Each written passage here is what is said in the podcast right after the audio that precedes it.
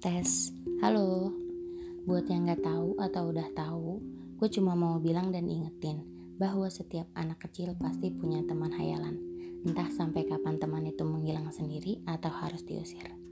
Begitupun cerita yang mau gue sharing ke kalian tentang adik gue. Gue punya adik laki-laki yang sekarang kelas 2 SMP. Dan kejadiannya waktu dia kecil sih sekitar umur dia 4 tahun. Pokoknya dia udah bisa ngomong dan ngoceh-ngoceh gak jelas gitu singkat cerita gue rumah gue tuh emang dulunya masih banyak banget pohon. Karena di bawah rumah gue itu juga sawah jadi wajar aja masih banyak pohon-pohon gede. Dan di depan rumah gue persis ada pohon bambu yang lebat banget.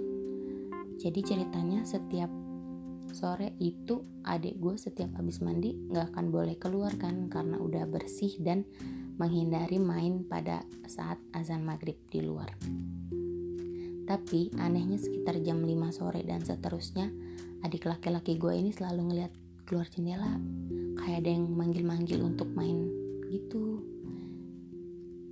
Terus dia sering geleng-geleng. Kayak jangan gak mau gak mau gitu.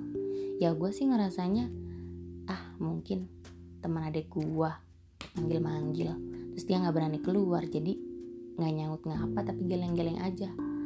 Tapi suatu hari sore-sore pintu depan rumah gue kebuka. Adik gue yang habis mandi lari aja ke depan. Terus dia tahu-tahu ngoceh sendiri. Eh kok kamu pakai baju? Aku aja nggak pakai baju. Itu keadaan dia nggak pakai kaos kutang. Gue denger dia ngoceh gitu gue tarik lah dia. Gue ajak masuk. Gue tanya dek kamu ngomong sama siapa sama itu loh kak yang di pohon bambu. Pakai baju putih rambutnya panjang deh. Cantik pula serunya cerita. Deg-degan dong gue. Gue tanya lagi lah orang gak ada siapa-siapa di sana? Ada kok kak. Tadi pas kakak datang dia langsung ke bawah. Ya udahlah gue pikir nggak akan ada apa-apa lagi setelah kejadian itu tapi seminggu kemudian, ya seperti anak-anak biasa, abis kelar sekolah pasti main kan, kayak adik gue juga. Dia main lah sama teman-temannya di bawah pohon itu. Tapi pulang-pulang adik gue sakit nggak ada sebab. Setelah ditanya main di mana, dia jawab main di bawah pohon bambu mah katanya. Alhasil setelah kejadian itu adik gue nggak boleh main lagi di situ.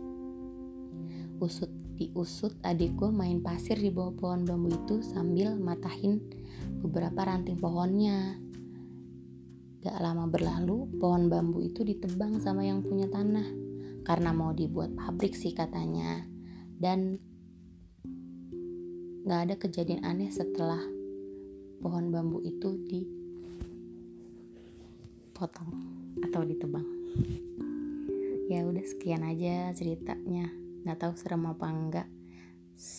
Sampai ketemu lagi di cerita selanjutnya